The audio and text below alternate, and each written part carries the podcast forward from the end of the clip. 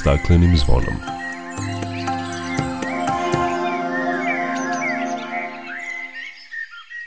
Dobar dan, dobrodošli na Zeleni talas prvog programa radija Radio Televizije Vojvodine. Ja sam Dragana Ratković. Da bi reciklirali onoliko otpada koliko je odredila Evropska unija, Srbija će fokus morati da stavi na prikupljanje otpada od građana i izabere da li da postojećem sistemu produžene odgovornosti proizvođača doda i depozitni sistem. Novi Sad uskoro dobija reciklažno dvorište u sklopu planirane regionalne deponije – Čućete kako su uređenjem deponije prostor iskoristili u Vrbasu i Staroj Pazovi. Govorit ćemo o tome kakvu štetu prirodi i životnoj sredini nanosi paljanje vatre na otvorenom, o trovanju ptice u okoline Vršca, a povodom 1. aprila, dana Pokrajinskog zavoda za zaštitu prirode, govorit ćemo i o radu ove stručne ustanove na zaštiti prirode u Vojvodini. Toliko u najavi emisije, o svemu opširnije nakon pozdravne pesme. Dok priroda kraj nas plače za vladarskim svojim tronom tužno vele narikače pod staklenim smo zvonom. Znaj vazduha više nema sve manje protiv sebe ide čovek i to često bez pardona. Uništenju živog sveta Kao da su ljudi skloni. Čovek sam je sebi meta Zbog njega ovo Uništenju sveta Kao da su ljudi skloni Čovek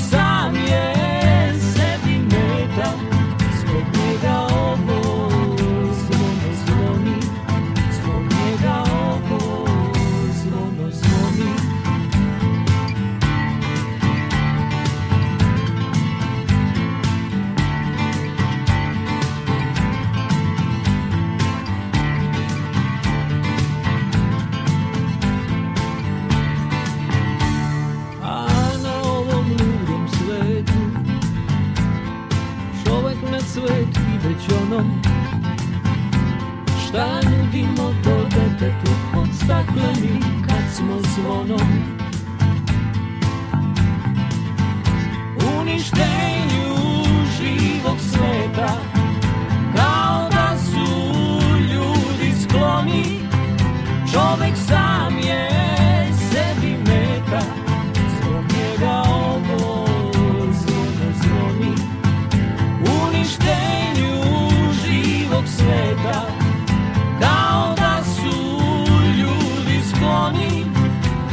Čovek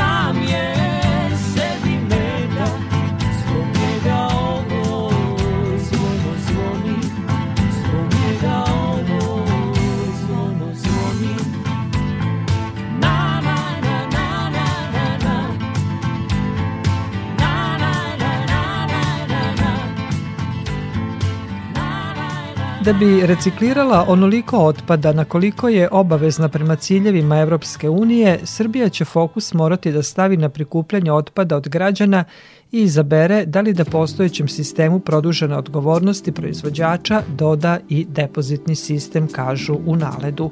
U saopštenju se navodi da je Srbija obavezna da do 2030. godine reciklira 85% otpada od kartona i papira, 75% od stakla, 60% od aluminijuma i 55% plastičnog otpada. Iz naleda pojašnjavaju da sistem produžene odgovornosti proizvođača podrazumeva da građani u svojim domovima razvrstavaju otpad od ovih materijala u posebne kante kako bi se efikasnije reciklirao, dok kod depozitnog sistema ambalažu vraćaju u prodavnice i za to dobijaju deo novca koji su platili prilikom kupovine proizvoda. Oba sistema analizirala je renomirana britanska kuća Eunomija, koja je članicama Naledovog saveza za zaštitu životne sredine predstavila ključne nalaze i preporučila da osim unapređenja primarne selekcije, Srbije uvede i depozitni sistem kako bismo ostvarili ciljeve do 2030. godine. Prema studijama, depozitni sistem bi pomogao tako što bi obezbedio prikupljanje više od 90% ambalažnog otpada u industriji pića i udvostručio stope njegove reciklaže. Novi Sad više od 10 godina čekao je na uređenje gradske deponije koja će uskoro dobiti reciklažno dvorište. Reciklažno dvorište je predviđeno kao jedan od sadržaja u sklopu planirane regionalne deponije na prostoru sadašnje gradske, a njegovom izgradnjom će praktično biti zaokružen proces razdvajanja otpada. Ovim će biti rešen problem ne samo zapuštene deponije koja se nalazi na 6 km od centra grada, već će se i odlaganje smeća maksimalno optimizovati po najvišim standardima. Postepeno će se zatvarati gradska deponija, a prema regionalnom planu za upravljanje otpadom, savremeni centar će prerađivati smeće iz Novog Sada i sedam opština Bačke Palanke, Bačkog Petrovca, Beočina, Žablja, Srbobrana, Temerina i Vrbasa. Uređenjem deponija, osim što uklanjamo ružnu sliku koju one daju, možemo dobiti i koristan prostor za razne aktivnosti. Takav slučaj imamo u Vrbasu. O tome Aleksandra Dejanović. Za samo dve godine složni vrbašani su od deponije smeća napravili moderno igralište za decu sa profesionalnim terenom za basket. Tridesetak vrednih komšija udružili su sredstva i radnu snagu kako bi svojoj deci i unucima obezbedili radosno, ali pre svega aktivno detinjstvo. Tokom dana bude jako puno dece, tako posle, posle škole dođe puno njih. Najviše volim da radim, da se vrtim na vrtešci, da se ljuljam na ljuljašci, da se spuštam ni tobogan.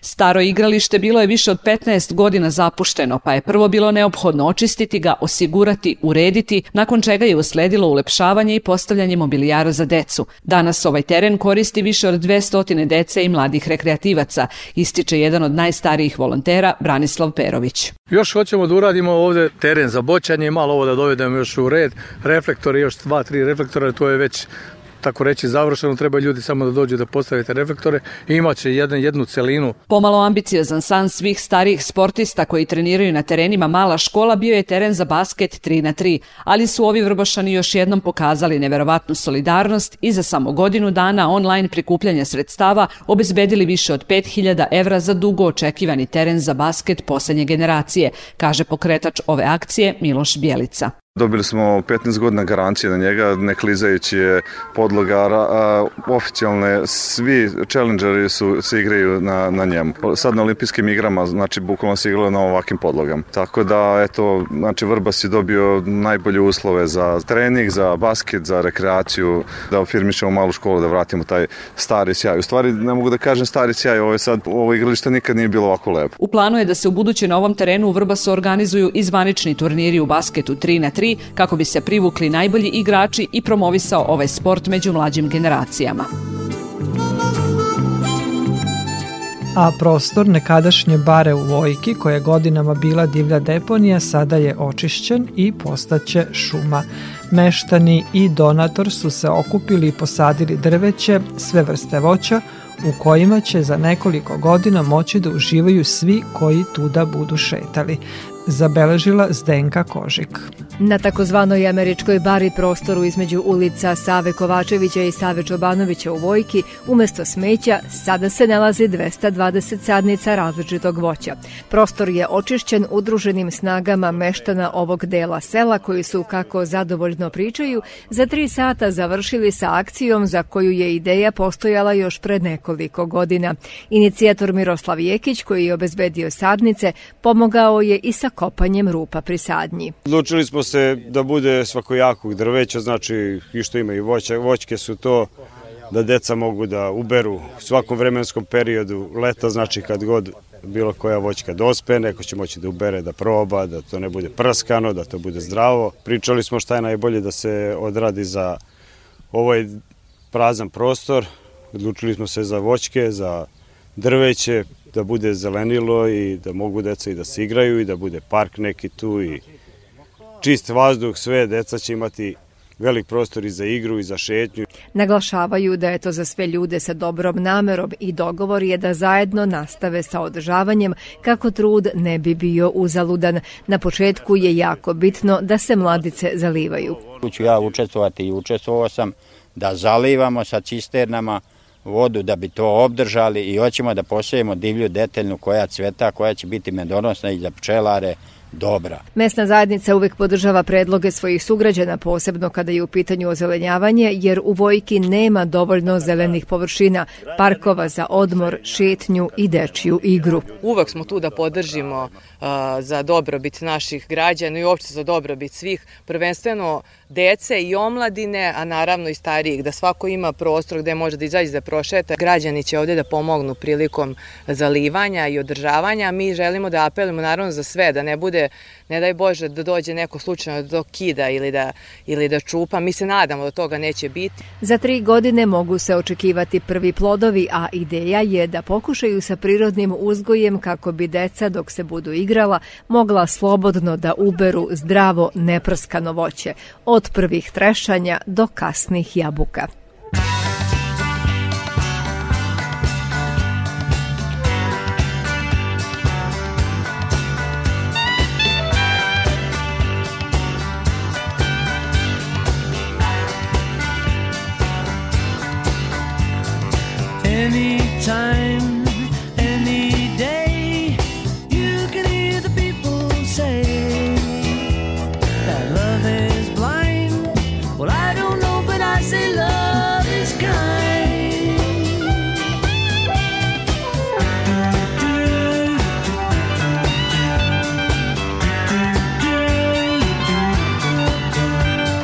Soldier boy kisses girl, leaves behind a tragic world.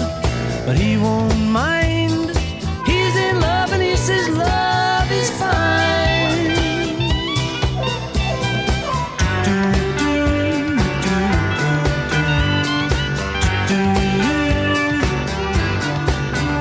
Oh, yes, indeed, we know that people will find a way to go no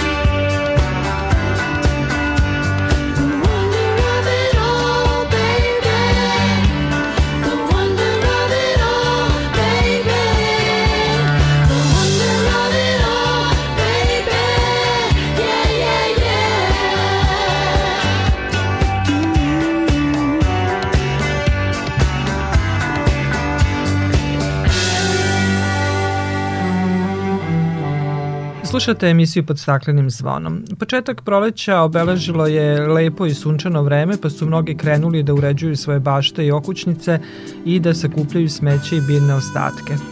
Ali to smeće i biljne ostatke pale. Proteklih dana zabeleženo je više požara koji, pored one materijalne štete koja je vidljiva, ugrožavaju i životnu sredinu. I ove, kao i prethodnih godina, upućuju se apeli da se to ne čini. I mi želimo da i ovog proleća upozorimo na sve posledice koje paljanje u prirodi može da doprinese. Tim povodom gošće emisije pod staklenim zvonom je predsednica prvog udruženja za ekologiju i zaštitu od dejstva vatre EcoFire, Ljubica Krnjajić. Ljubice, dobrodošli na Talasa Radija Novog Sada. Hvala na pozivu i prilici da pričamo o ovu temu.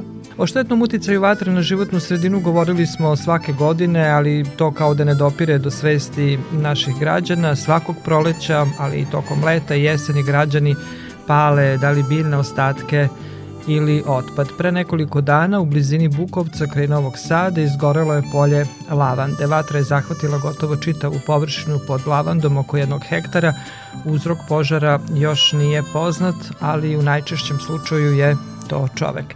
Kakve posledice po životnu sredinu izazivaju ovi požari i šta se dešava kad palimo u prirodi? Pa ovi požari izazivaju više posledica.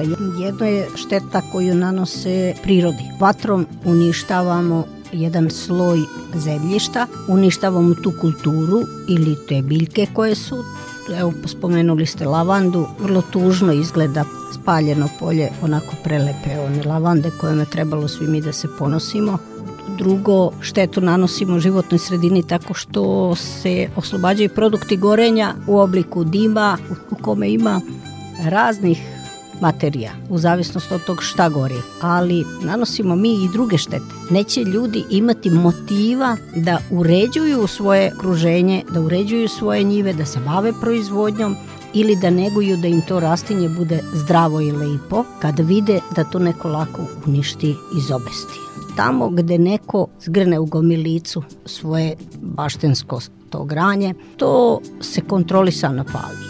Ja jesam protiv toga, zakon jeste protiv toga, ali kao čovek razumem to, a kao stručnjak vidim da je to manja šteta nego ono što se zapali da izgori ceo, površina. Da, je sad tu kod tog e, kontrolisane vatre problem je ako ona preraste u nekontrolisanu, odnosno u požar. Ja mogu da dam savet ljudima kako da spaljuju to što spaljuju, iako je zakonom zabranjeno da bude bezbedno. Savete ćemo dati nešto kasnije. Kada govorimo o toj šteti, znamo da je velika uvek materijalna šteta. Često stradaju i ljudi, ali u ovom slučaju pričamo o šteti koja nastaje u prirodi ovog proleća, odnosno kad krene februar, mart, pali se i trska, pale se i čitave njive kako bi kasnije mogle da se obrađuju, a i biljni ostaci i otpad e, sa naših okućnica i bašta.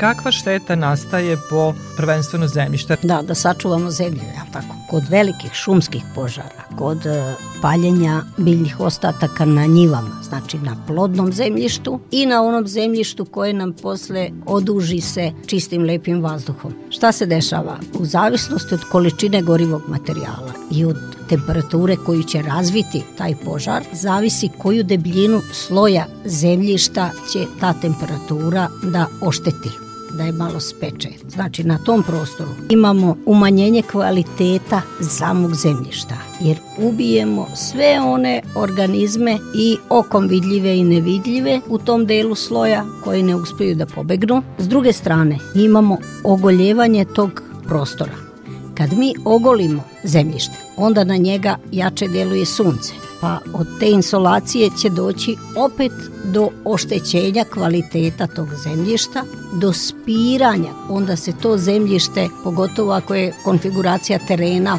neravno pa kiša spere taj jedan deo zemljišta i onda nam ostane onaj dublji deo koji je nekvalitetniji. Drugo, unište se staništa, ne samo biljnog, nego i životinskog sveta. U proleće imamo mnogo punih gnezda, ili su jaja pa još ne izleženi ptići, ili su se već izlegli, ali ne mogu stići da pobegnu od vatre. Trsku ste spomenuli, to se u stvari redovno radi. Ako u 10 godina, 9 godina se pali, samo jedna promakne da ne zapali tu trsku.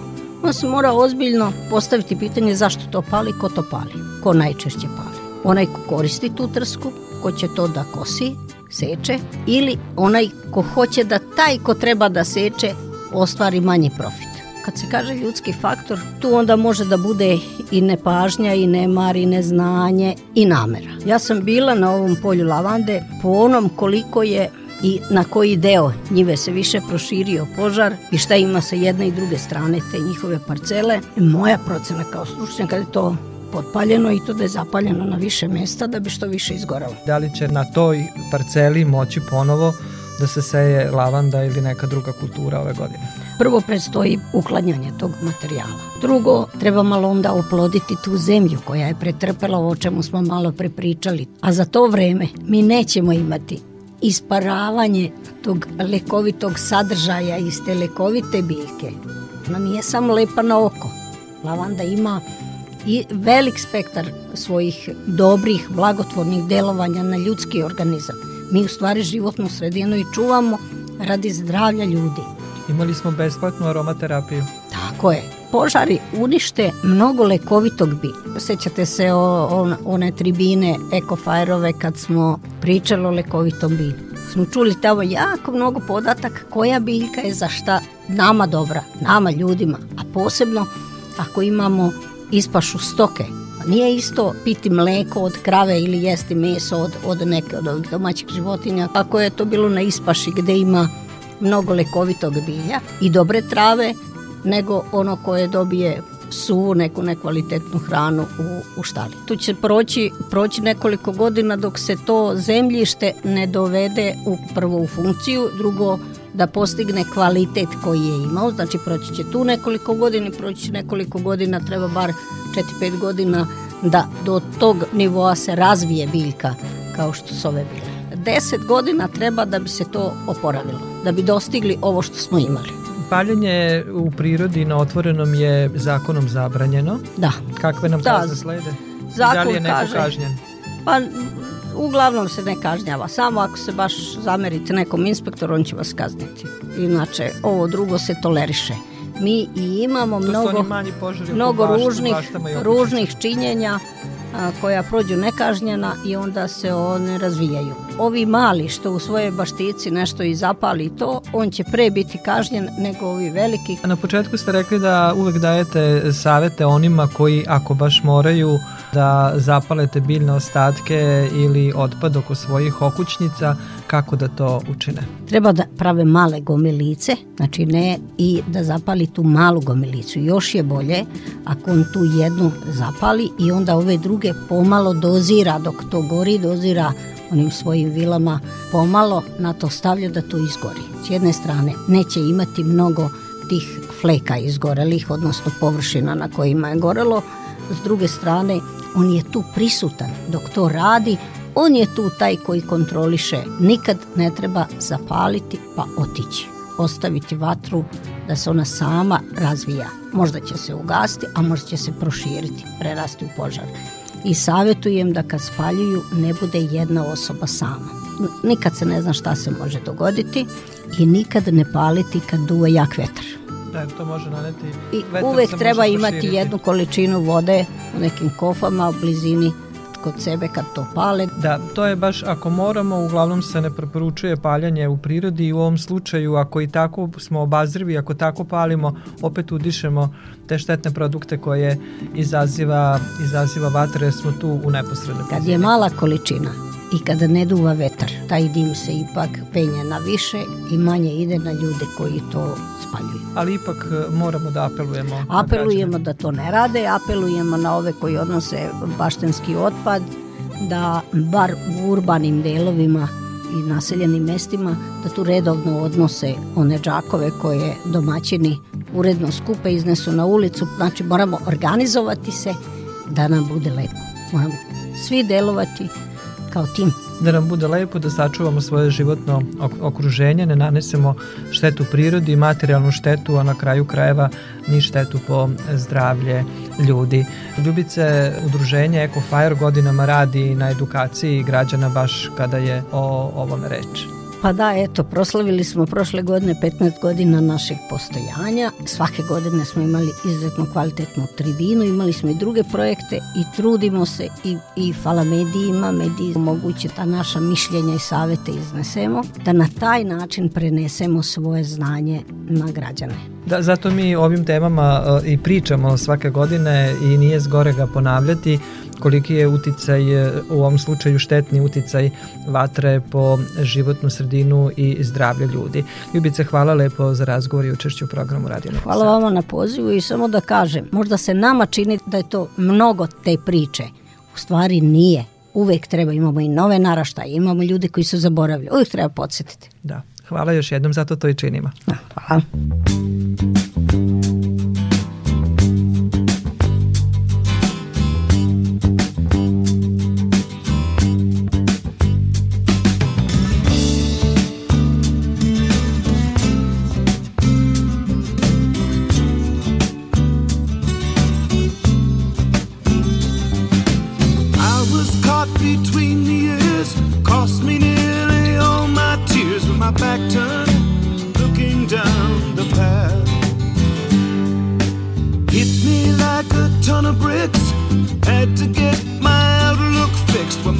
Turned, looking down the path.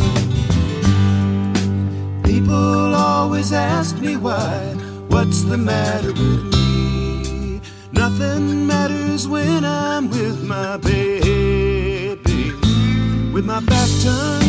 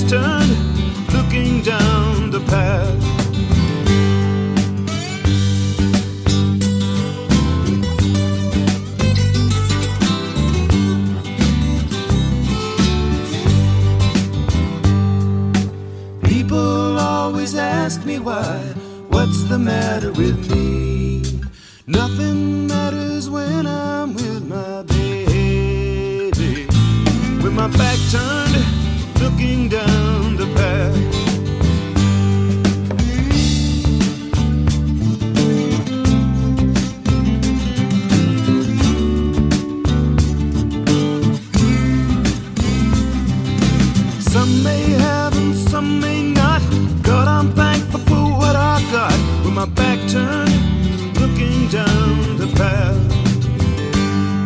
With my back turned, looking down the path. With my back turned, looking down the path. Slušate emisiju pod staklenim zvonom. Čuli ste kakve sve štete nastaju paljenjem vatre u prirodi po životnu sredinu, pored tog što se oštećuje zemljište, zagađuje vazduh, stradaju i životinje. Pomenuli smo ptice jer tokom proleća i počinje gneženje ptica. Ali pored vatre kad krenu radovi na njivama beleži se i trovanje ptica i ovog proleća došlo je do trovanja ptica u okolini vršca zabranjenim pesticidima. Prema podacima, zbog trovanja i krivolova 123 vrste su u riziku od iščezavanja. Tim povodom na telefonskoj liniji je ornitolog, ali čuvar prirode, ranger u rezervatu prirode Vršačke planine Milivoje Vučanović. Milivoje, dobrodošli na Talasa Radio Novog Sada. Dobar dan, bolje vas našao. Milivoje, pre nego što čujemo detalje o tome kako je došlo do trovanja ptica, da li je ovog proleća bilo požara u Vršcu i okolini? Znamo da je prethodnih godina takvih slučajeva bilo kada je goreo mali rit. Pa da, ovaj, često se ti požari pojavljuju negde u, u rano proleće ili, ili pozno leto ili rano jesu. U toku rano proleća se često pali neka trava ili neko ovaj, granje nakon rezanja voća i tako dalje. I onda se ta vatra često proširi na neke druga područja, to je bio slučaj pre par godina i sa malim ritom. A ove godine smo imali, ajde kažemo, jedan pokušaj požara, odnosno bio je požar na samom obodu krenuo, ali srećom ovaj, nije uzeo maha i, i zaustavljanje pre nego što si praktično razbukao, tako da ove godine, bar do sada nismo imali ovaj, požar izgledašćeg Na sreću nije bilo požara koji bi naneli neke veće štete prirodi, ali nedavno je zabeleženo trovanje ptica u selu Veliki Gaj u okolini Vršca i prema najavama sumnja se da je za to krivac e, zabranjeni pesticid furadan koji je zabranjen kod nas još od 2014. godine. Koliko otrovanih ptica je pronađeno? Na licu mesta pronađeno je devet otrovanih e, mišara, jedna ptica gabica koja je toga zaštićena kod nas.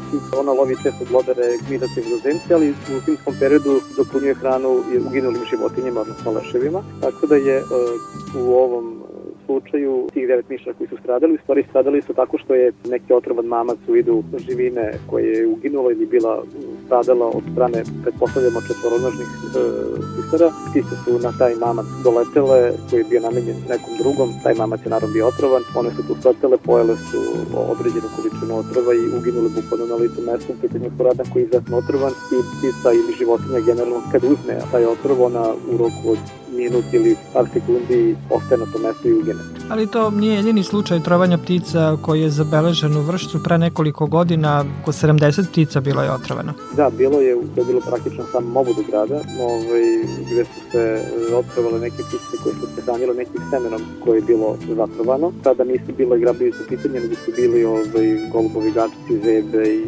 njima slične ptice koje se da nisu sklonjene sa lica mesta mogle da posluže kao hrana pticama grabljivicama, pa bi onda to lančano i njih otrovalo. Tako da je taj slučaj ostavio onako popličan utisak u javnosti i nadali smo se da se tako nešto neće ponoviti, ali eto, nažalost. Od 2000. godine do danas e, registrovano je više od 200 slučajeva trovanja ptica. Ono što je registrovano pretpostavljamo da je i mnogo toga što nije zabeleženo i prema tim podacima stradalo je više od 2000 jedinki. U našoj zemlji zbog trovanja i krivolova čak 123 vrste se suočavaju sa rizikom od iščezavanja. Godinama traje kampanja, vidimo da je broj slučajeva manji, ali ipak još uvek postoje takvi slučajevi gde stradaju e, divlje životinje. Da, nažalost je tako. Ovaj, u ovom slučaju su stradali miševi koji, ajde kažem, nisu toliko ugroženi. Ta vrsta je relativno često kod nas, ali na primjer kada su pitanje orlovi krstaši koji ima nekoliko parova, četiri parova ovaj, do sada, do sada u Srbiji, da je recimo ovaj, negde u blizini tih ptica neko trovao lisicu, pse ili šakale na ovaj način, praktično mogli bi da izgubimo čitavu populaciju za jedan dan. Tu su naravno dolazi neki drugi orlovi kao što su belorepani koji su takođe ovaj, skloni lešinarenju, koji pravi orli koji love, ali su naravno kada najđu na, na, na leševe često se njima hrane i oni se često truju. Tako da tim putem smo mogli praktično da izgubimo čitavu populaciju određenih ptica. Imali smo ovu lošu vest, dakle, koja je stigla iz vršta kada je reč o trovanju ptica, ali pre nekoliko dana stigla još jedna lepa vest da je u Vojvodini otkrivena jedna vrsta slepog miša i to baš na periferiji Vršca. Da, u pitanju je mali potključar. Kolega Milan Punović iz Prednjačkog muzeja i ja smo ovaj, tog dana bili na terenu i zajedno smo obišli terene, pošto tu na Vršičkim planima nekoliko lokacija i ne samo na planinama, nego i u podvežu ima nekoliko lokacija koje su interesantne za sve te miševe, to svake godine obilazimo od praktično ovog perioda pa do ovaj, neke centralno jeseni dok se oni tu zadržavaju i u jednom od takvih obilazaka konstatovali smo novu vrstu do sada sa Vojvodinom, do sada nije pronađena, nije zabeležena na teritoriji Vojvodina, ovo je pra praktično prvi podatak, u pitanju su bilo dve jedinke, dva mužeka koje su se tu tog momenta zatekla. To su eto lepe vesti nasuprot onima o kojima smo na početku razgovora e, govorili. Vi ste stalno na terenu, kakvo je stanje, proleće je stiglo, kakve su promene u prirodi, šta se dešava u okolini Vršca i Vršačkim planinama? Pa proleće, vreme buđenja, vreme regeneracije prirode, sad pristižu tiče vrste koje su zimu provele u Africi, neke su došle, neke, neke očekujemo sledećih nedelja. Naravno, kompletna priroda je u fazi petanja, buđenja i tako dalje. Tako da ovo je možda jedno najinteresantnijih godišnjih doba kada je priroda u pitanju uopšte aktivnosti u prirodi i da neko se bavi prirodom je možda i najdinamičniji period. Milivoje, hvala vam za razgovor i učešću u programu Radija Novog Sada. Hvala vam.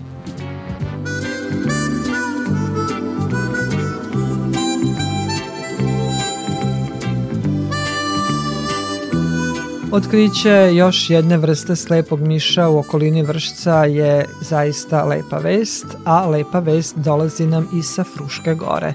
Nakon reintrodukcije evropskog jelena i introdukcije muflona u Nacionalni park Fruška gora stigli su i evropski bizoni, vrsta životinja koja je do nedavno bila potpuno zaboravljena na ovom području. Smatra se da je poslednji bizon u našoj zemlji odstreljen pre više od 200 godina, a Fruška gora je jedino mesto na Balkanu na kojem ponovo počinju da se razmnožavaju ove i danas fascinantne životinje, saopštio je Nacionalni park Fruška Gora. Pre skoro 100 godina evropskih bizona je u Evropi bilo svega 50-ak. Krajem sledeće godine Kada se zaokružuje vek od početka borbe za njihovo očuvanje, stručnjaci procenjuju da će ih na istom prostoru biti više od 10.000. Jedan mužjak i četiri ženke, poreklom iz Poljske, već žive u svom novom domu na Fruškoj gori.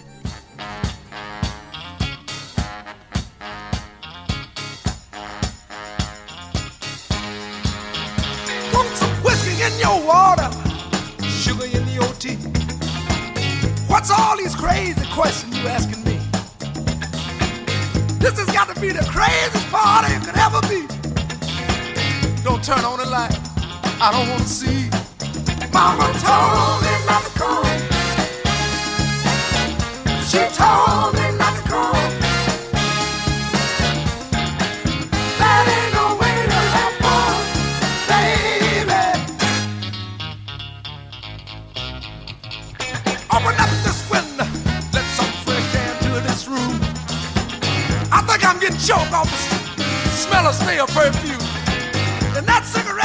cigarette you smoking is about to scare me to death. Open up this window, let me catch my breath. Mama told me not to come.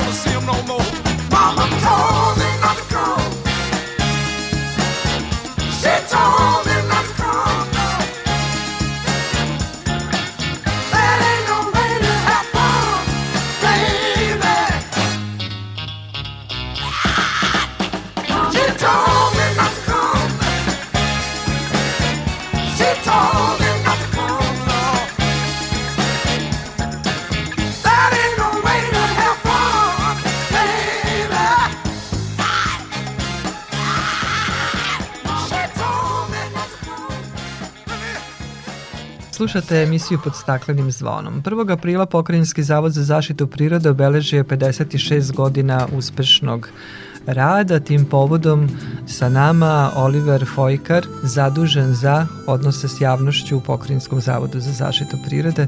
Tako je. Olivere, dobar dan i dobrodošli na Talase Radio Novog Sada. Dobar dan, bolje vas našao. Za sve informacije i saznanja o prirodi tražimo u Pokrinjskom zavodu za zaštitu prirode i godinama uspešno e, sarađujemo jer ste vi stručna ustanova koja obavlja brojne poslove u zaštiti prirode u autonomnoj pokrajini Vojvodine. Tako je, Zavod za zaštitu prirode u Radničkoj 20 je zadužen za zaštitu prirode, za zaštićena prirodna dobra, za redke i ugrožene biljne i životinske vrste na teritoriji autonome pokrajine Vojvodine.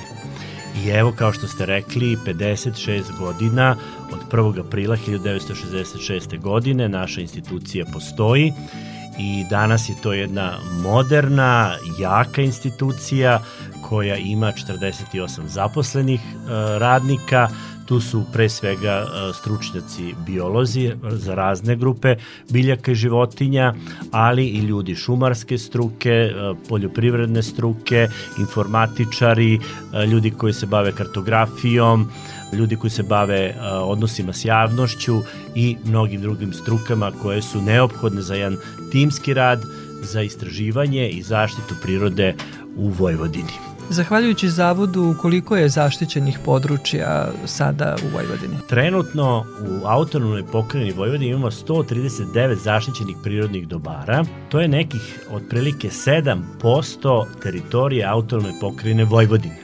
Međutim, ja moram da kažem da je Zavod izradio studije i dao predloge da se određeni prostori zaštite e, i da te studije čekaju svoje proglašenje i kada se ta područja proglase, a to je 34 nova područja, čega su 18 područja koje doživljavaju prvi put svoju zaštitu, mi ćemo imati još 50.000 hektara e, novo zaštićenih prostora, a to je novih 2,5% teritorije Vojvodine. To znači mi ćemo imati nekih 9,5% teritorije Vojvodine pod nekim vidom zaštite želim istaći da mi štitimo i staništa redkih i ugroženih biljnih i životinskih vrsta, to je malo drugačija, kažem, vid zaštite i da smo izdvojili na prostoru Vojvodine 644 staništa sa redkim i ugroženim životinskim i biljnim vrstama, to je nekih 115.000 hektara. I to je nekih otprilike 5% teritorije ako saberemo zaštićena prirodna dobra Vojvodine, za koje tačno znamo koja su, pa prostore koje smo već istražili, dali predlog za zaštitu, pa ova prostore zaštićenih staništa, to je nekih 14,5% Vojvodine i mi smo kao kuća, stručna kuća veoma zadovoljni rezultatima do kojih smo danas došli.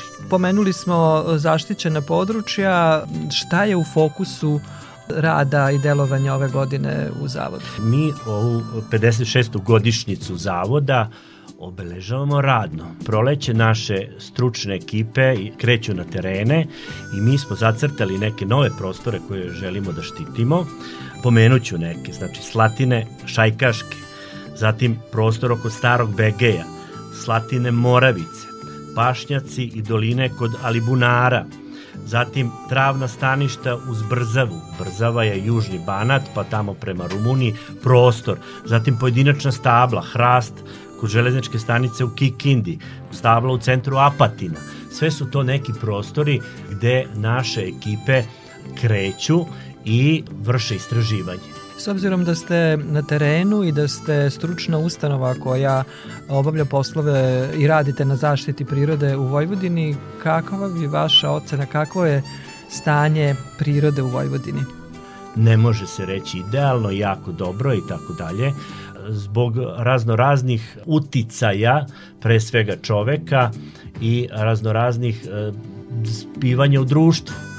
Znači, svi smo svedoci da 2022. godina, da se investira, da se gradi, da se prave industrijski kompleksi, da se teži da se izbetoniraju određeni prostori, da se prave industrijski parkovi, nadomak Zrenjanina, nadomak Inđije i tako dalje, staništa, ona lošije kvaliteta koje su prirodna, da kažem slatine ili stepska staništa su obično jeftina staništa za kupiti, pa onda investitori uzurpiraju takve prostore, a mi se trudimo da što pre dođemo do tih prostora, da damo neki vid zaštite, da bi određene prostore namenili zaštiti, a ne betoniranju i gubljenju prostora. Vojvodina, malo pre ste rekli, je 75-80% agrarni predeo a mi se moramo truditi da u tom agrarnom predelu pre svega krenemo sa nekom ekoproizvodnjom, da smanjujemo hemikalije, da smanjujemo pesticide, e, da naša hrana bude zdravija. Zatim, da oko svih zaštićenih prirodnih dobara postoji neke, neke zone zaštite gde, će se, gde se uopšte neće koristiti hemikalije. E, da se trudimo da na tim zaštićenim staništima sačuvamo te redke i ugrožene životinske i biljne vrste, i da Vojvodina bude lepša, zelenija i bolja. Svi znamo da je naša Vojvodina jedna od jako slabo pošumljenih predela u Evropi. Znači, rekli smo oko nekih 6% Vojvodine daje pod nekim zelenim šumskim pokrivačem, uz, uglavnom uz velike reke. Moramo se truditi da i širimo te površine pod autohtonim stablima, naravno ne da pošumljavamo stepska predela ili slatinaste predele koji želimo da ostanu takvi kakvi jesu, nego tamo gde možemo, uz kanale, uz DTD i uz, da stvaramo pojaseve, vetrozaštitne pojaseve i tako dalje. Pored e, ovih svih poslova koje ste rekli u zaštiti prirode Vojvodine, radite i na edukaciji, informisanju građana i tom prilikom i upoznajete građane sa prirodom Vojvodine. Šta ovih dana imate na programu? Jako je bitno da svi zajedno shvatimo od kakvog je značaja zaštita prirode, u našom okruženju i zato puno uložemo truda i energije da i našim građanima pričamo o tome, da ljudi to shvate, da podržimo nevladine organizacije, ekološke organizacije na terenu i tako dalje. Sledećeg petka mi ćemo imati goste iz Nacionalnog parka Đerdap. 8. aprila ćemo otvoriti jednu veliku lepu izložbu Geopark prirode Nacionalni park Đerdap. To je prvi geopark prirode u Srbiji proglašen od strane UNESCO-a 20. godine, znači pre dve godine i evo možda je ovo prilika i da pozovemo vaše slušaoce da dođu, da nam se pridruže na otvaranju ove velike lepe izložbe, a u, u muzeji za 10 manifestacija u maju mesecu, u saradnji sa Prirodnjačkim muzejom iz Beograda otvaramo izložbu koja nosi naziv Kavijar.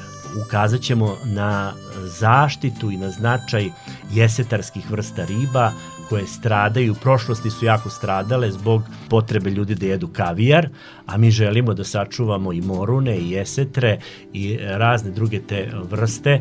Hvala lepo Olivere za razgovor, naravno čestitke povodom dana zavoda i sa željom da i dalje radite na zaštiti prirode u Vojvodini na, možemo reći, obostrano zadovoljstvo i priroda i svih nas. Hvala lepo vama i vašoj emisiji, takođe pod staklenim zvonom želimo dugi niz godina postojanja i rada. Hvala još jednom. Slušate emisiju pod staklenim zvonom. Za čistije i zelenije škole u Vojvodini naziv je programa kojim se podiže svest kod mladih o brizi za životnu sredinu. Program su pre 13 godina pokrenuli pokrajinski sekretarijati za urbanizam i zaštitu životne sredine i obrazovanje, propise, upravu i nacionalne manjine nacionalne zajednice u saradnji sa pokretom Gorana Vojvodine. Program za čistije i zelenije škole u Vojvodini realizuje se i ove godine, a u njemu, osim pokrajinskih sekretarijata i pokreta Gorana, učestvuje i grad Novi Sad kao i preduzeće Vojvodina šume. Detaljnije Milan Rakić. Cilj programa za čistije i zelenije škole u Vojvodini je prevashodno učenje dece kako da čuvaju životnu sredinu i prirodu, kako bi u njoj zdravo odrastali i živeli. Da bi to učenje bilo efikasnije, u planu je i organizovanje đačkih izleta u prirodi, kaže Brankica Tabak iz Pokrajinskog sekretarijata za urbanizam i zaštitu životne sredine. Taj izlet u prirodi ne podrazumeva samo njihovo uživanje i boravak u prirodi, nego i dalje ekološke edukacije. Značaj ovog našeg okupljanja se ogleda i u tome što su državni, e, državna ustanova, odnosno predstavnici svih sekretarijata shvatili da mi tekako jesmo povezani kroz različite oblasti života, kako kroz sport, privredu, energetiku, samu zaštitu životne sredine, na kraju krajeva sve to obrazovanje kako najmlađih, tako i nas starijih koji smo na njih upućeni.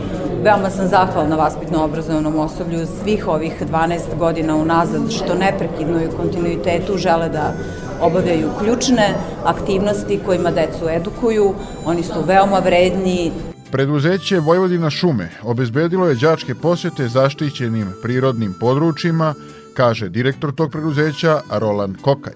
Tu imamo dvostrani interes, sa jedne strane dobijamo ekološke svesti naraštaje, s druge strane mi dobijamo priliku da objasnimo e, šta to znači gazdovanje šumama, odnosno šta znači to e, šumarstvo i iz šumarstva inače treba da obezbedimo i sredstva za zaštićena područja, pa tako aktivnim e, merama zaštite u Obetskoj bari pomoću e, kopanjem vodnih kanala, odnosno košenjem vladnih livada. Posle 25 godina se vratila na to područje Čapja Kašinkara, a posle 60 godina Crni Ibis, a posle 130 godina Čapja Govedarka. Program za čistije i zelenije škole u Vojvodini podržao je i pokrenjski sekretarijat za privredu i turizam, koji su se prošle godine uključili u projekat, te je sekretar Nenad Ivanišević potpisao protokol. On je tim povodom naglasio da će se raditi na proširivanju programa i na polje turizma jer turizma bez prirode nema, vidimo da je tendencija zadnje dve godine da se veliki broj turista upravo vraća u prirodu, tako da ćemo razgovarati sa kolegama iz sektorijata da možda napravimo i neke edukacije za turističke radnike da bismo još više istakli značaj očuvanja životne sredine. Predsednik pokreta Gorana Vojvodine Aleksa Jeftić zahvalio se volonterima i prosvetnim radnicima koji su neposredno radili sa decom i doprinili tome da uprkos brojnim izazovima izleti budu realizovani. Ovaj program realizuje se kontinuirano uprkos teškoćama koje je prouzrokovala pandemija COVID-19. Protokol o saradnji u okviru programa za čistije i zelenije škole u Vojvodini ove godine potpisalo je devet partnera kako bi se obezbedili neophodni uslovi za intenzivniju brigu o životnoj sredini.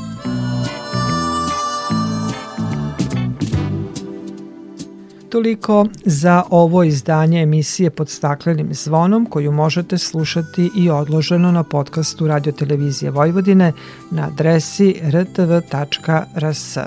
Na pažnji vam zahvaljuju Sabina Nedić, Zoran Gajinov i Dragana Ratković.